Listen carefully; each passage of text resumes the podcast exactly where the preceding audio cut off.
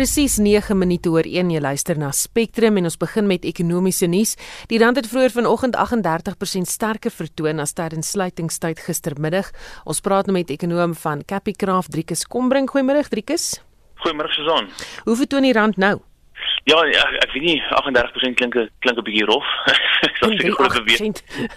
ja, ehm um, R16.72 het hy gaan draai vroeër vandag. Hy R16.85 op die oomblik. En uh dit kom op die rug van 'n uh, kom ons sê 'n lang versterking al van R19 uh 30 af waar hy was op sy slegste vlakke. Uh net so 3 weke gelede.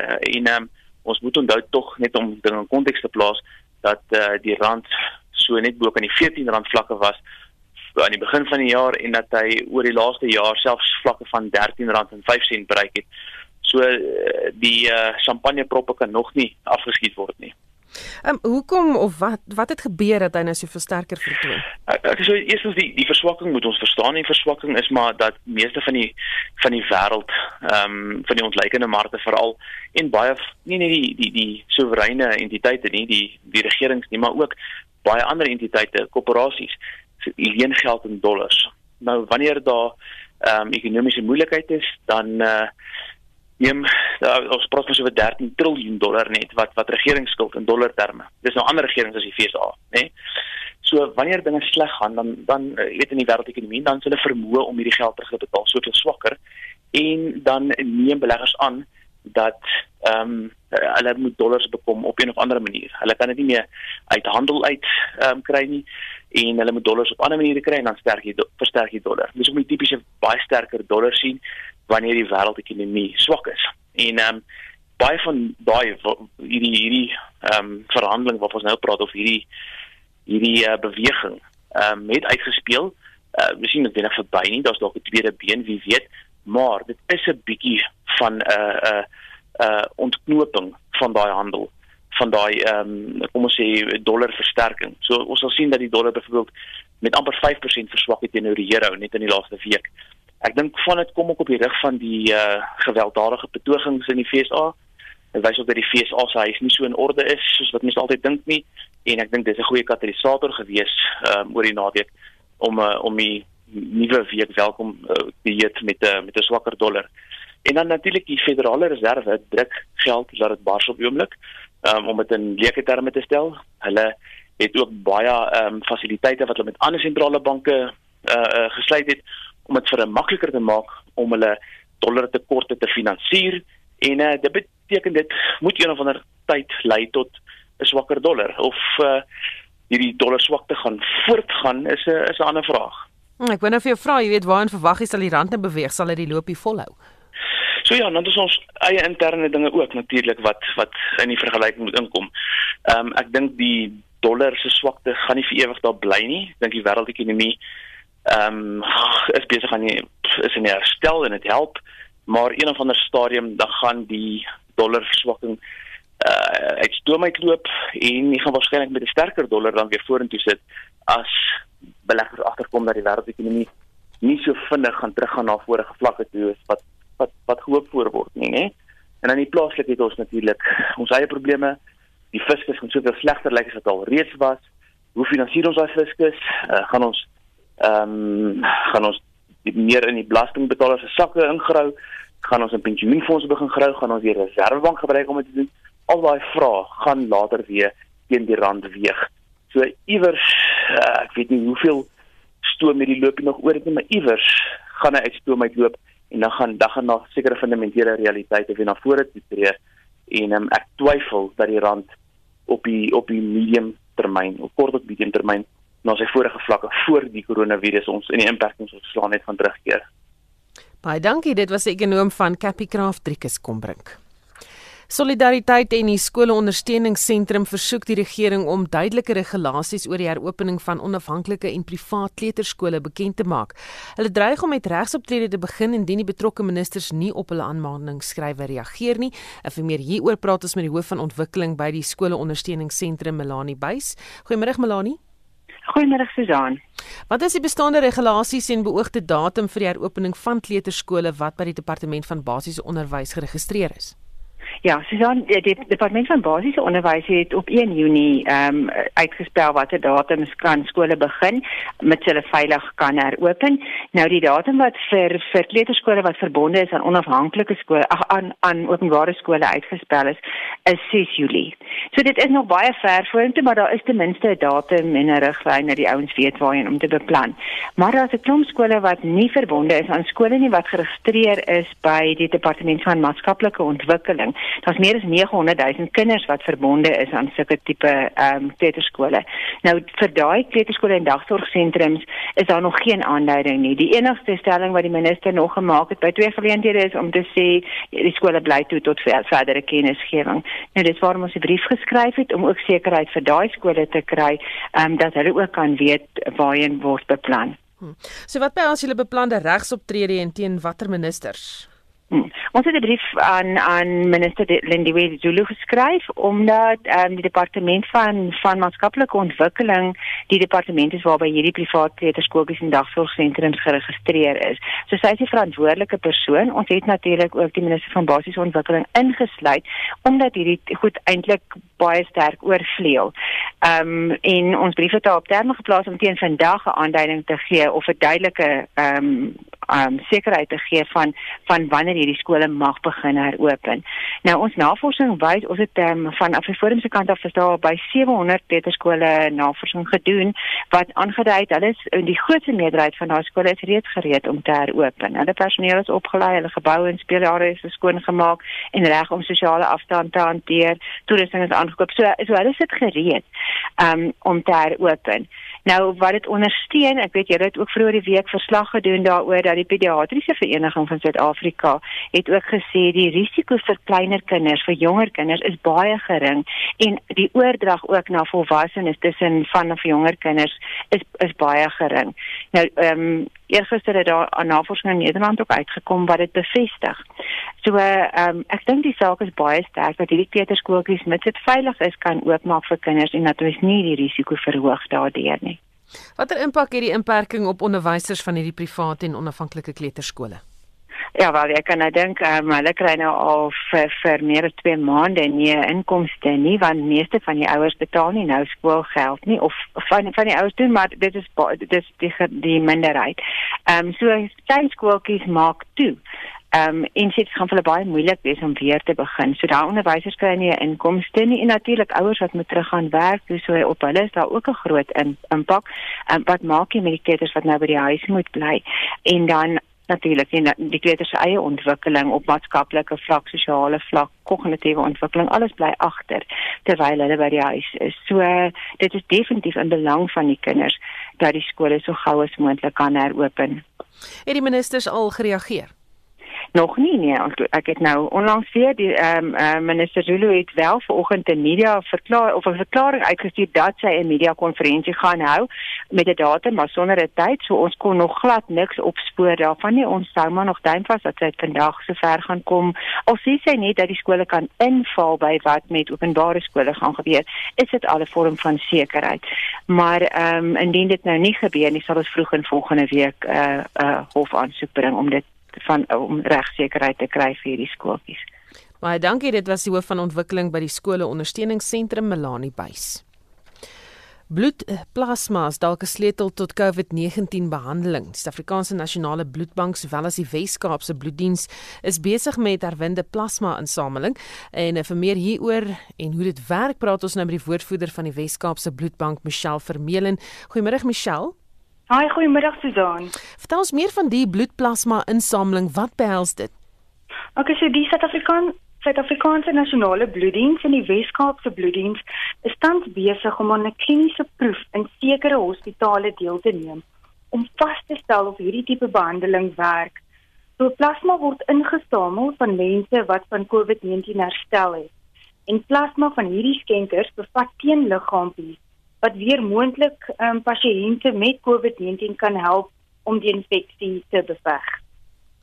En wat is die basiese vereistes om hierdie tipe plasma te skenk? So daar is 'n hele paar. Ehm um, jy moet tussen 18 en 65 jaar oud wees. Jy moet meer as ehm um, 55 kg weeg. Jy moet 'n positiewe diagnose van COVID-19 gehad het wat deur 'n laboratorium bevestig is en jy moet dan ten volle herstel dit van die virus en simptoomvry wees vir ten minste 28 dae.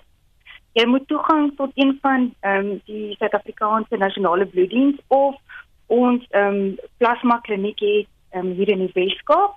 En dan vrouens wat al swanger was, sal nie aan hierdie tipe skenking kan deelneem nie as gevolg van 'n meer ingewikkelde teenliggaampie profiel wat hulle het. En dit is ook belangrik om daarop te let dat alle potensiële skenkers eers moet registreer op die Suid-Afrikaanse Nasionale Bloeddiens se webtuiste en van daar af wanneer hulle um, geregistreer het, sal hulle weer gekontak word. Hm. Hoe vinnig verwag julle uitslae van hierdie toetse uh, waaraan julle uh, weet deelneem? Ek dink dit is dit is 'n groter um, kliniese proef ook. Ek weet daar's ander bloeddienste ook in die wêreld wat daarbey betrokke is. So ja, ons um, dit dit is maar 'n proses wat gevolg moet word. Ek dink dit het al nou begin. Ek weet in die Weskaap het ons ook al een of twee skenkers gehad. Ehm um, ja, so sodra ons weet wil ons daai weer verder kan gee vir die media. Hmm. Waar kan ons luisteraars meer inligting? So definitief besoekie Suid-Afrikaanse Nasionale Bloeddiens se se webtuiste, dis sanbs.org.za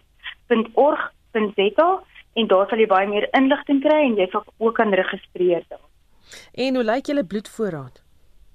So op die oomblik ehm um, is ons o negatiewe vlakke baie laag. So ons vra almal in daai spesifieke bloedgroep om asseblief so gou as moontlik na vore te kom. Maar as jy in enige van die ander bloedgroepe behoort, moenie huiwer nie kom skenk bloed, ons het dit nodig. Hmm. Val ons ook net so vlugtig oor nasionale bloedskenkersmaand? So elke Junie vier ons nasionale bloedskenkermaand en beoog ons om bewustheid te saai oor die belangrikheid van bloedskenk. Die 14de Junie is wêreldbloedskenkdag En die tema hierdie jaar is veilige bloedred lewens. Die tema beklemtoon die feit dat een persoon 'n positiewe verskil kan maak in 'n klomp ander mense se lewens.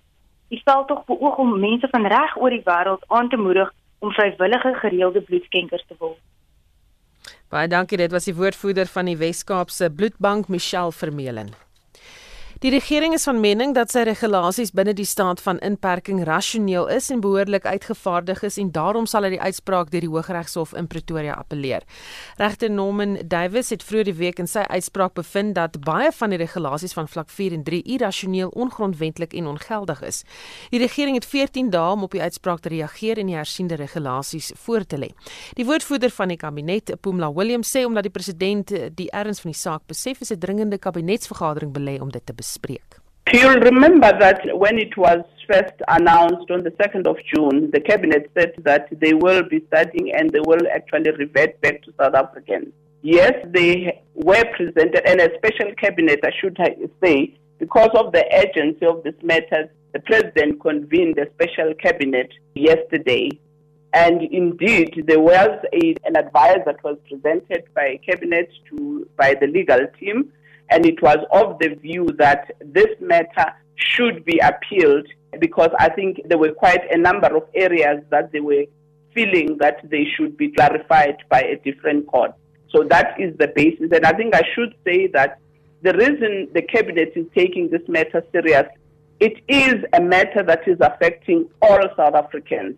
We are in the middle of fighting the spread of the COVID 19 and it is an area that you cannot afford to make South Africans doubt the decisions that we have taken in as far as this matter. And the legal opinion that was given to Cabinet yesterday was that this matter should be taken back to court uh, so that it can be appealed and it can be clarified what exactly is the issue. Williams wou nie uitbrei oor presies op watter gronde die regering die uitspraak wil appeleer nie. I think I should also leave the legal issues to the legal team that will be going to the court to ventilate. But safe to say that every decision that was taken from the time the president made an announcement of the lockdown, it was for one simple reason to save life. It was to reduce the flattening the curve, it was to minimize the infections in the country, and it was taking South Africans on board of saying we have to do this, all of us. We have a responsibility as government to put in place some measures. You, as a South African, also have a responsibility to do your part. So it was never a one sided thing. It was a matter that was dealt by all South Africans. If you can, I can remind also the listeners throughout this process, the president has not even faltered once to say every decision we take, we must consult. And every time, every step of the way, she was consulting South Africans. But we are not as arrogant to say that we are perfect. And that's why the constitutional democracy is so beautiful. South Africans that feel that there is a blind spot, they are allowed to go to court and we can go to court and we can be given some kind of clarity whether we are wrong or right. And we are never shy to come back and say, yes, we have faltered here, we will correct. But the bottom line, South Africans have got to keep to the health protocol as we announced. Dit is die woordvoerder van die kabinet Pumla Williams. 'n Groep kleinskaal boere in die Groblershoopgebied in die Noord-Kaap wat erg deur die droogte geraak is, het hulle situasie omgeswaai en wil nou ander sukkelende boere help. Die regering se droogtehulpfonds van 1,5 miljoen rand het die boere in Groblershoop gehelp om te oorleef. Vincent Mofokeng doen verslag. Dit is oestyd in die klein dorpie van Groblershoop naby Appington in die Noord-Kaap. Boere gebruik die staatsbefondsing om hul lewensbestaan te verseker. Maar dit sou nie moontlik gewees het sonder 'n besoek deur die adjunkpresident David Mabuza nie wat die boere gehelp het om staatsbefondsing te kry om in hul sakeondernemings te belê. Hulle het nou suksesvol mielies en gebalde koringstingels geproduseer. 'n Boer, Dirk Lou, sê dit sou nie moontlik gewees het sonder die hulp van die regering nie. Waar ons tans uh, besig is in 'n droogtegetuisterde gebied So vir ons was dit ook belangrik om met hierdie hulp te kyk hoe kan ons ander boere te help snel. Diegene wat voordeel getrek het uit die regeringshulp, help nou ander boere. Hulle het voer geproduseer wat afgelewer gaan word by boere wat steeds deur die voorsleepende droogte geraak word. AB Misselaar is een van die boere. Ja, as mens kyk in elk geval na jou pofvader en jou pella en en ook daarna jou Portnolof boere wat nou in elk geval in 'n geweldige droogte vasgevang is. Dit het eintlik vir ons goed gewees dat ons hierdie boere kon hierdie kant uitkies om vir ons hierdie plantery te doen. Sodoende kan ons nou kyk om van hierdie mielies na daai boere toe te skuif. Ons se probleme het met die departement nou te skakel en te kyk hoe die departement ons in die hand kan vat om die om dit te vir ons te kan. Die provinsiale departement van landbou het beloof om die boere te ondersteun. Die woordvoerder van die departement Zandisile Lupahla. We did indicate to them that uh, it's a bit difficult now since the COVID-19 uh, where the department is now has to redirect some funds to to the epidemic. So we have been calling on other stakeholders to assist uh, in terms of transport, and we are hoping that uh, soon we'll get uh, people coming up and assisting NAFU to transport the maize to Port Nolloth. Die oestyd skep meer as 100 werksgeleenthede vir die plaaslike gemeenskap. Boere sê hierdie werksgeleenthede kan volgehou word as hul pogings om volgende maand lucerne te plant slaag. Die verslag deur Puleng Modupe in Kimberley. Vincent Mofokeng. Esai Garnis. Die Ndlovu jeugkoor het nie die, dat die staat van inperking hulle van stryk bring nie. Hulle reis op 'n baie spesiale manier met hulle stemme steeds die wêreld vol. Die koorleier, Ralph Schmidt, sê hulle het 'n splinternuwe ateljee gebou van waar die koor kan optree. Dis dan gaan baie goed met ons. Ons is nog aan die gang daar uh, in Limpopo. Ons het nou ons oefenlokaal omskep in 'n televisieateljee sodat ons livestream konserte reg oor die wêreld kan doen. Obviously, soos al die ander kunstenaars, ek dink ons ons industrie gaan seker die laaste industrie wees om terug te gaan. So ons moes maar 'n plan maak en soos ons in Suid-Afrika sê, boer maak 'n plan. Ons het sewe internasionale toere gehad wat of uitgestel is of gekanselleer is.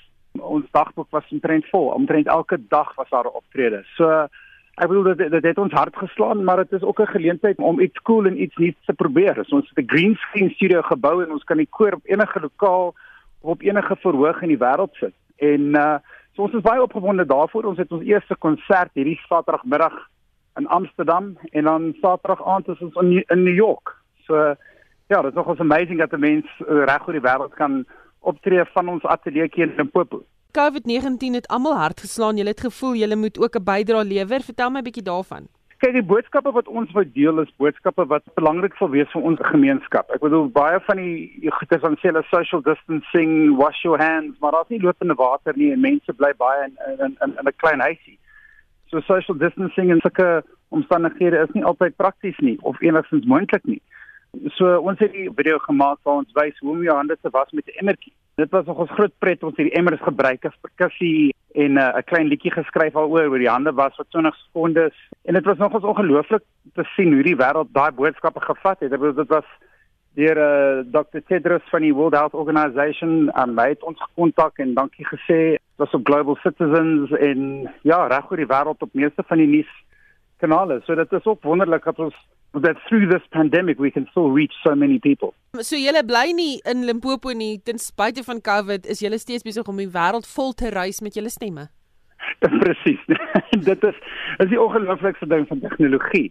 Wat ons ook wil doen, ons wil dit ordentlik doen. Ons wil ons wil hê mense met die optrede sien en hulle moet geraak wees. They got to feel the magic of that performance. In in ons het baie lank gesit en gedink hoe kan ons dit doen? Hoe hoe kan ons ons uh, optredes maak that it's presented in a way that is as close to what it would be normally? So uh, weet is nooit die regte ding nie en ons sien almal uit daarna om om weer op die verhoog te wees maar so dan is ons in 'n virtuele verhoog reg oor die wêreld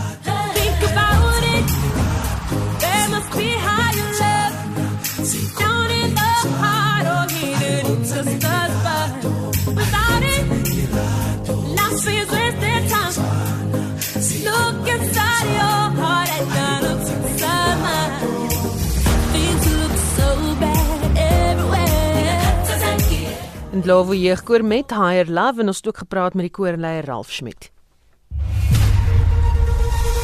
Jy luister na Spectrum elke weekmiddag tussen 1 en 2. In die program die regering is van mening dat sy inperkingsregulasies rasioneel is. Waterransonering is in Hankie en Patensie in die Oos-Kaap ingestel en die kreatiewe bedryf het reeds meer as 53 miljard rand verloor weens die Grendelstaat. Vorige uitsendings se vandag se program is beskikbaar op Potgooi. Gaan net na die RSG webblad www.rsg.co.za. Daar is geen verkeer. In KwaZulu-Natal was daar 'n botsing op die N2 suid net na die EB Kloete wisselaar in die linkerbaan en daar staan 'n voertuig op die N12 oos hierso in uh, Johannesburg Gauteng net na die Gululies wisselaar in die middelbaan en dit is jou verkeersnuus.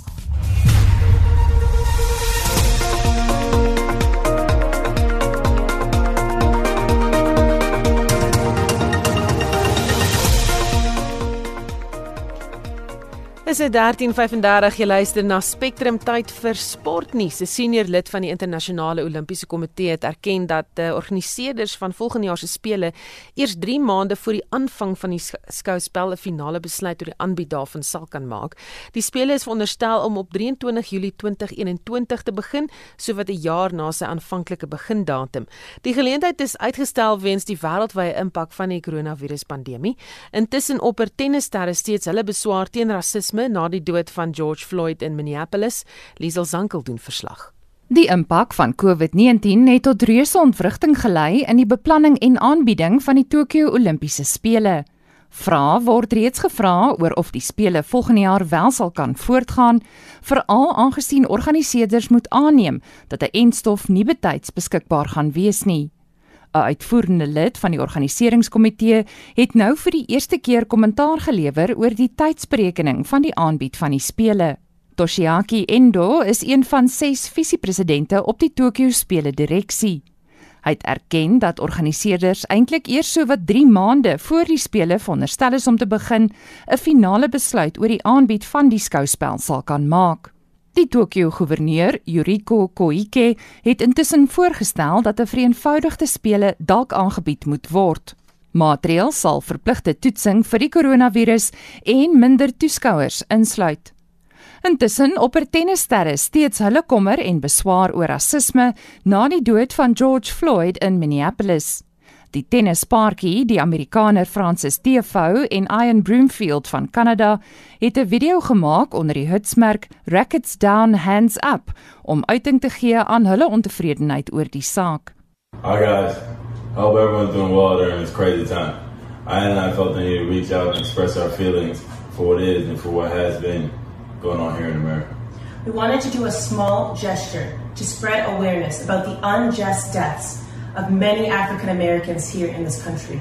This is definitely bigger than tennis, and we all need to use our platforms to come together regardless of class, gender, race, ethnicity, or any other categories. Today, we put our rackets down and our hands up. Groot name soos die voormalige wêreldnommer 1 Serena Williams, die voorste Japaneese speler Naomi Osaka en die gewilde Fransmanne Joe Wilfried Tsonga en Gael Monfils is ook in die video te sien. Die belowende tiener, Coco Gauff, steun ook die video en het 'n Black Lives Matter optog in haar tuisdorp Delray Beach in Florida toegespreek. My name is Coco, and who just spoke was my grandma. Sad that I'm here protesting the same thing that she did 50 plus years ago. So I'm here to tell you guys this that we must first love each other no matter what. Second, we need to take action. And yes, we're all here protesting, and I'm not of age to vote, but it's in your hands to vote for my future, for my brother's future, and for your future. Die sogenaamde Groot 3 in manstennis, Novak Djokovic, Rafael Nadal en Roger Federer, het vroeër reeds hulle steun aan die betogings en optogte gegee. Hulle het enige vorm van rasisme skerp veroordeel. En die Amerikaanse basketbalvereniging het 'n plan goedgekeur waar volgens die opgeskorte seisoen op 31 Julie by Disney World in Florida kan hervat. Die plan bepaal dat 22 van die NBA se 30 spanne in 8 wedstryde sal meeding om 'n uitspelgroep van 16 te bepaal. 'n Kampioen sal nie later nie as 12 Oktober gekroon word. Die NBA was die eerste Noord-Amerikaanse sportliga wat opgeskort is weens die COVID-19 pandemie. Dit nadat 'n speler in Middelmaart positief vir die virus getoets het. Ek is Liesel Zankel in Johannesburg. Waterransonering is maandag in Hankie en Patensie in die Oos-Kaap hervat. Albei dorpe ontvang water van die Kouga dam wat op 8.73% staan. Ons praat nou met Shaal Du Plessis, hy is die munisipale bestuurder van die Kouga munisipaliteit. Goeiemôre Shaal. Ja, goeiemôre. Is daardie uh, jy weet damvlak reg? Hoe hoe laag is die damvlak? Ehm um, die syfers wat ek nou vanoggend hier het is 8.64%. Uh waarvan 3.1% nie gebruik kan word nie. Hoe so is dit die rede hoekom wa waterransonering ingestel is? Ja, ehm um, die die die kwotas is nou met 20% verlaag van maandag af. As ek so 'n bietjie meer agtergrond kan gee, die die Gamtoos uh of die Kouga dam word beheer deur die Gamtoos besproeiingsraad, so hulle is die grootste verbruiker en dan Nelson Mandela Metro gebruik ook 'n heel wat van die water. En dan Kouga munisipaliteit so 2% van die water uit die Kouga dam en dit is vir enkel potensie. Nou ons kwota is uh vir uh, vir die dam vir Henkie is 1063 kL en vir potensie 1241 kL per dag. Ehm um, nou dit moet met 20% verminder word. So die eerste manier hoe ons dit uh, hulle was op beetwater gewe, gewees se afgelope jaar. Ehm um, ons het dit uh verander uh, hierso toe ons die lockdown gehad het. Uh ons was nou noodgedwonge gedwong om terug te gaan op uh die beerdwater. Nou die water sal beskikbaar wees in die oggende en die aande, maar van 9 uh, daar sal geen waarborg wees vir water van 9uur tot 3uur die middag nie. 9uur die oggend tot 3uur die middag nie. Uh party inwoners wat bietjie gelukkiger is, laer onder die netwerk het, kan dalk amper die hele dag water hê, maar van die hoër liggende gebiede sal sal uh uh, uh nie heel dag water hê nie. Ehm um, ons is uh, besig met verskeie projekte daar. Ehm um, ja, ons ook is besig met die skole wat Jojo tens op te sit en vol te hou en uh, dat weet as as hulle waandag begin dan het hulle water. Ehm um, ons het 'n 150 miljoen rand uh, uh, rampprojek aan die gang om water uh, te boor vir water water te, uh, te vermeerder in ons munisipaliteit vir al die dorpe. Ehm um, ons hoop om 'n handjie potensies en opgekoppel te hê teen die einde van Junie.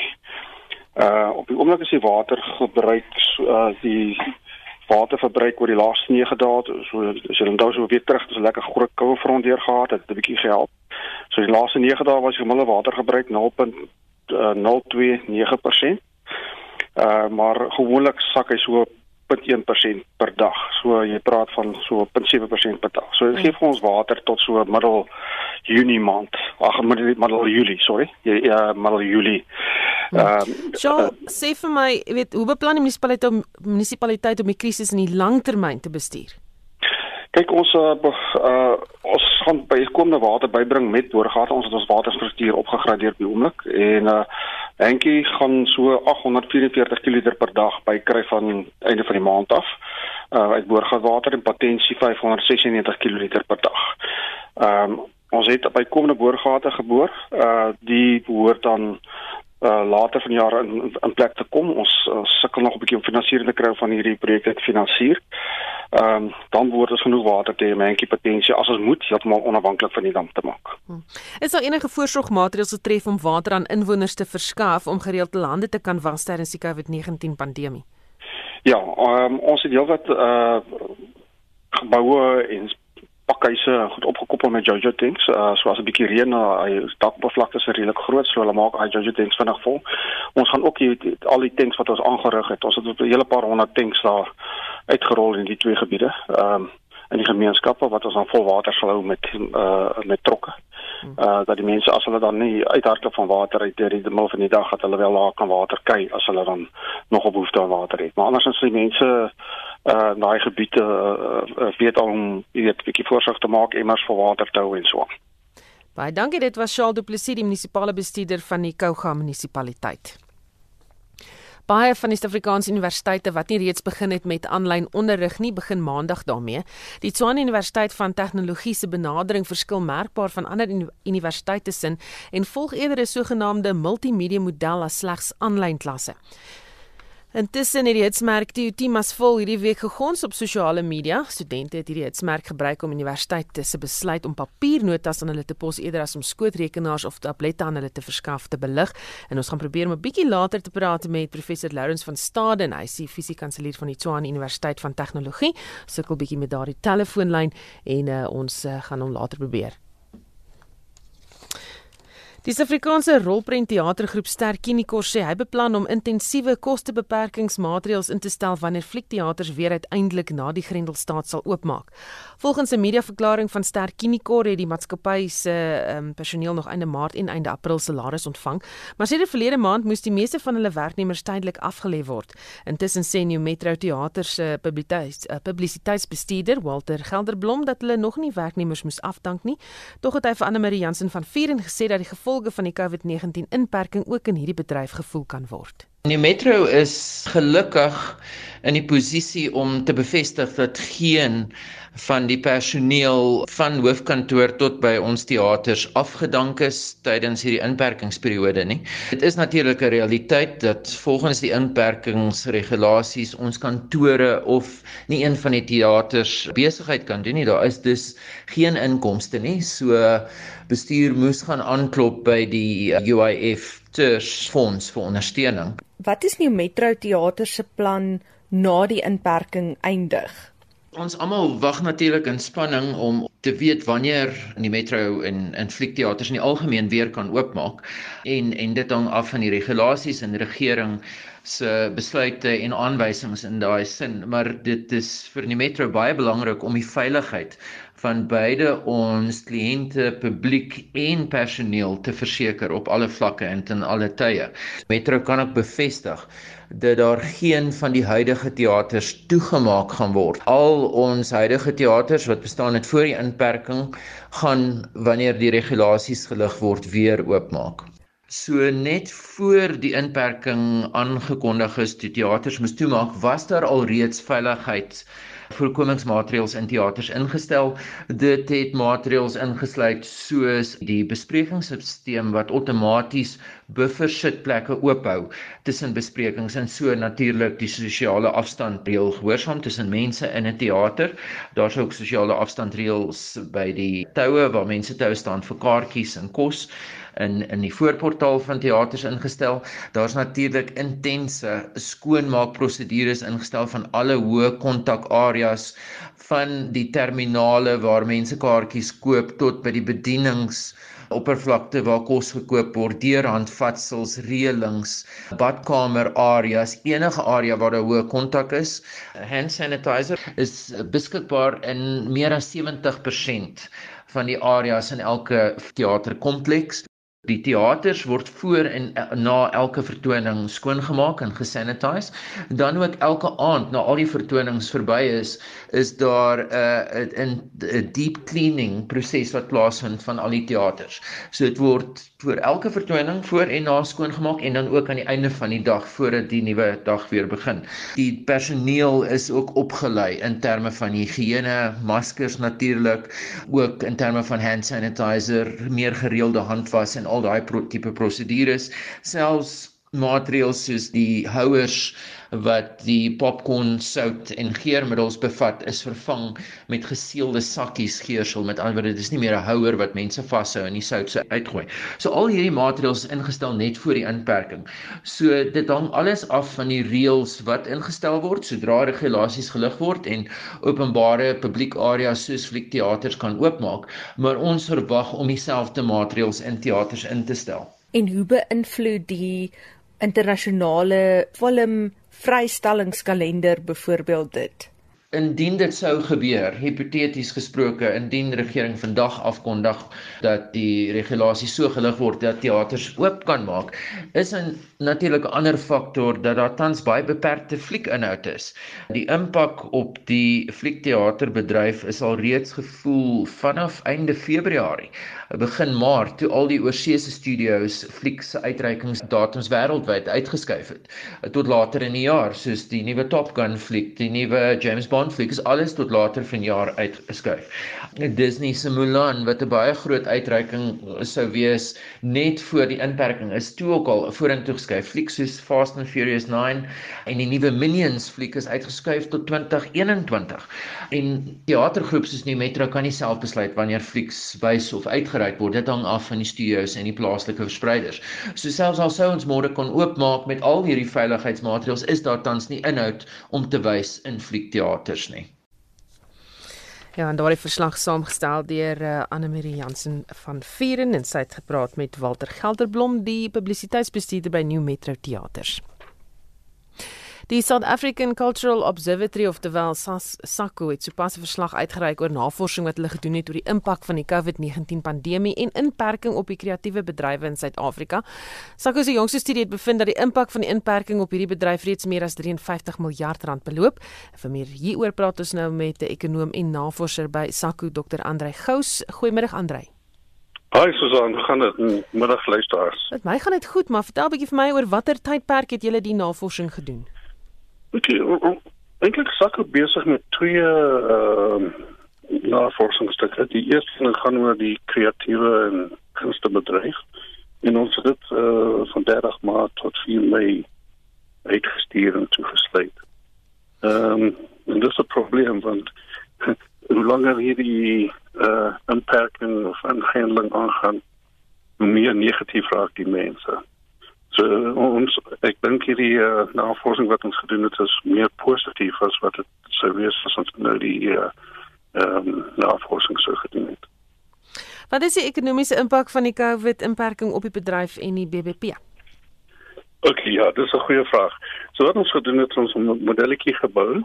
Ehm um, en die die ses sektore wat waaruit die uh, sektor bestaan soos die uh, kulturele en natuurerfenis uitvoering en viering ehm um, die visuele kunste boek en pers audiovisueel en dan ontwerp uh uh ek dink ja soos jy gesê het is 53 miljard rand wat net op die nywerheid ehm um, uh van toepassing. Hmm. Ja.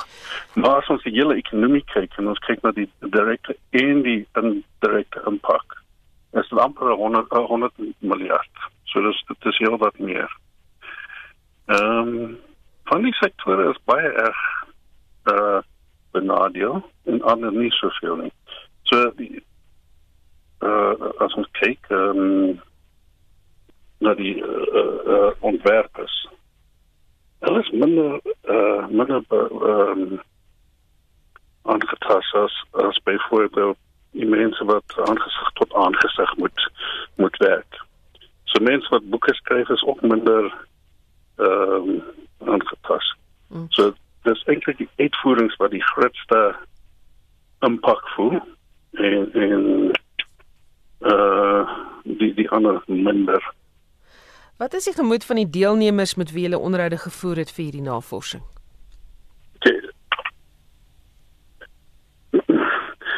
Ja, almal almal het gedog ek ons sal uit hierdie ehm situasie wees in uh, in September in in November op die laaste maar dit lyk gaan nou 'n bietjie uh, langer wees. So uh, ons moet nou uh, sien wat is die reëls en regulasies van die regering en wat hulle toelaat en wat nie toegelaat is nie. Ek het nou net gehoor dat uh, met die filmbedryf uh, mense wat teaters toe gaan, dit gaan altyd moeilik wees want uh, dat hulle by die 50 mense hou is groot uh, plekke soos die staatsteater gaan negatief beïnvloed word en kleiner plekke gaan ook baie beïnvloed word. Maar maar boeke en visuele kunste en ontwerpe gaan nie noodwendig so kwai ehm uh, die die die type wat so die uh, unpacking of nie. Baie dankie, dit was 'n onafhanklike ekonomie navorser by Isako Dr. Andre Gous. 'n Hoogtepunt vir baie Suid-Afrikaners gedurende die staat van inperking was dat alkohol weer te koop is gedurende vlak 3 van die Grendelstaat. Toue was maandagooggend lank by verskeie drankwinkels soos Suid-Afrikaners weer hulle gunsteling voggies wou aanskaf. SAB het by monde van die hoof van eksterne kommunikasie, um, Refilwe Masemola, mense egter gewaarsku om verantwoordelik te wees met die gebruik van alkohol. COVID has hit us hard, as you know. I mean, SAB has a massive supply chain, um, and beer starts at the farm right up until to, to the glass where we all enjoy it from. So, in terms of our supply chain, we have about 4,000 suppliers, half of which are SMMEs, so they're small companies, and some emerging farmers, obviously, that supply our supply chain. So, naturally, by virtue of the fact that we couldn't trade or distribute alcohol, they were hard hit because the business was obviously impacted. In terms of how it is now, it's too early to tell in terms of performance. However, we are relieved that all the work we've done in conjunction with government has led us to this stage where we're able to, to trade in alcohol and have people enjoy our products responsibly again. Masemola die volgende wenke vir mense wat betref die verantwoordelike gebruik van alkohol indien die staat van inperking jou al laat vergeet het wat die gevolge van alkoholmisbruik is. Even in the two months, we can't deny that alcohol was available during the, the lockdown through some illicit channels, obviously. But I think by virtue of being a responsible business ourselves, and even during the lockdown, we had advocated for the regulated sales of alcohol because by virtue of regulating them, you're able to, as far as possible, control behavior. Um, our stance has always been that people drink and enjoy our products very responsibly. Beer, by its nature, is a drink of moderation. It has a, a lower ABV, and in that, when we created these these award-winning beers, it was for people to enjoy, but to enjoy in moderation. And in light of COVID, we understand that the main objective is to contain the spread of the disease as far as possible. So our press release was to encourage cust- our customers and our loyal customers to enjoy our beer, but to buy it responsibly in terms of buying only what they need, to avoid crowds as far as possible, to, to ensure that obviously we contain the spread of, of COVID, but more importantly, to drink responsibly and to drink in moderation so that they're safe throughout their, their enjoyment of our product. Die direkteur en streeksverteenwoordiger van die Suid-Afrikaanse Nasionale Raad vir Drank en Dwelmafhanklikheid, oftewel SANKA, Suidoos-Gauteng, Sandra Pretorius sê drankmisbruik onder Suid-Afrikaners bly 'n groot probleem. Ja, weet jy, ons net weer kyk, Maandag het hulle nou die Grendel en die tydperk spesifiek rondom alkohol gebruik, het hulle gelig en Maandag het almal drankwinkels toe gestorm. Dinsdag het ons statistieke gekry en die statistieke was weer eens skrikwekkend van net um, sekere hospitale wat ons het statistiek gesien het van ongelukke die vorige aand, weer eens familiegeweld, weer eens meswonde, steekwonde, skiet wonde wat weer eens vir jou sê die alkohol maak probleme. Alkohol gebruik maak probleme. Ja, ook weer eens drink jy nie, gaan jy ook probleme hê want dan is daar onttrekking wat daarmee saamgaan. Maar as Sanka het ons nog altyd gesê om alkohol te gebruik moet jy dit verantwoordelik gebruik. En daarom byvoorbeeld sou jy drink, moet jy seker maak jy eet. Jy moet seker maak jy drink een drankie in 'n uur en jy neem ander vloeistof tussenin. Dis regtig nie om te drink vir 'n effek nie. En dit was die direkteur en streeksverteenwoordiger van die Suid-Afrikaanse Nasionale Raad vir Drank en Dwelmafhanklikheid, oftewel SANKA, Suidoos-Gauteng, Sandra Pretorius. President Hage Geingob van Namibië sê die stryd om korrupsie uit te roei en plaaslike regering te verbeter het daartoe bygedra dat Namibië nou 4de op die vasteland se deursigtigheidsindeks is, beter as Suid-Afrika en Botswana. Frikkie Wallis berig uit Namibië oor Geingob se staatsrede gistermiddag wat telkens deur lede van die oppositie met lyde tussenwerpsels onderbreek is. Kleiner oppositiepartye het die president ook gereeld met dreun sang in die rede geval. Hy het later vinnig opgestaan en in die openbare galery gaan sit. Soos verwag het die COVID-19 pandemie gereeld na vore gekom, maar hy het die rede begin deur na die verslegtende ekonomiese toestande in Namibië te verwys, soos die politieke waarnemer professor Nico Horn verduidelik. Die huidige negatiewe ekonomie, deels te wyte aan hoë staatsskuld, werkloosheid, 'n 5 jaar droogte en die noodtoestand wat die president aangekondig het om COVID-19 te bekamp, het 'n negatiewe invloed, soos 'n mens kan aanvaar, op die ekonomie gehad. President Kankop was nietemin positief. Hy het homself sterk uitgespreek teen korrupsie en het daarop gewys dat hy nie 'n steen onaangeroer sal raak om korrupte amptenare en verkose lede aan die pen te laat ry nie het die raad ook daaraan herinner dat twee ministers sedert November 2019 as verhoorafwagtende sonder borg in die gevangenis is. Die president het ook 'n lang lys aangehaal van korrupsie aangeleenthede wat op die oomblik ondersoek word. Geingob het gesê dat die ontwikkelingsbank die afgelope 3 jaar 425 miljoen Namibiese dollar goedgekeur het vir sowat 320 sakeondernemings in die land. Terwyl meer as 16000 huise gebou kon word soos wat uiteengesit is in die Harambee welvaartplan. Maar het Gangop voldoen aan die verwagtinge.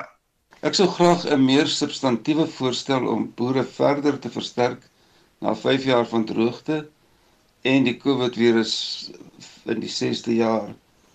Ook 'n plan om werkskepping met meer vleis om die bene aan die publiek te gee. Die bou van 300 huise om plakkerswonings finaal af te breek is ook vaag maar 'n geheel 'n redelike goeie rede met baie rede tot kommer, maar ook etlike ligpunte. Dit was die Namibiese politieke waarnemer professor Nico Warren. Ek is Frikkie Wallis op Swakopmund. Onthou Spectrum Monitor naweek aktueel kommentaar en finansiële fokus is beskikbaar op Potgooi. Gaan net na RSG se webblad by www.rsg.co.za. Jy kan ons ook volg op Twitter by Mondspek1 of op facebook.com vorentoeskynstreep.zarsg. Ons groet namens ons waarnemende uitvoerende regisseur Hendrik Martin, die redakteur vandag is John Estreisen en ons produksieregisseur hier in Johannesburg is Frikkie Wallis. Ek is Susan Paxton. Geniet jou naweek.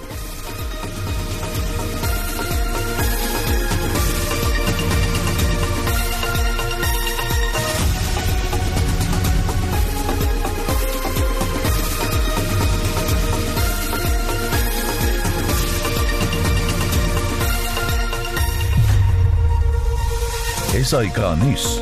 Onafhanklik, onpartydig.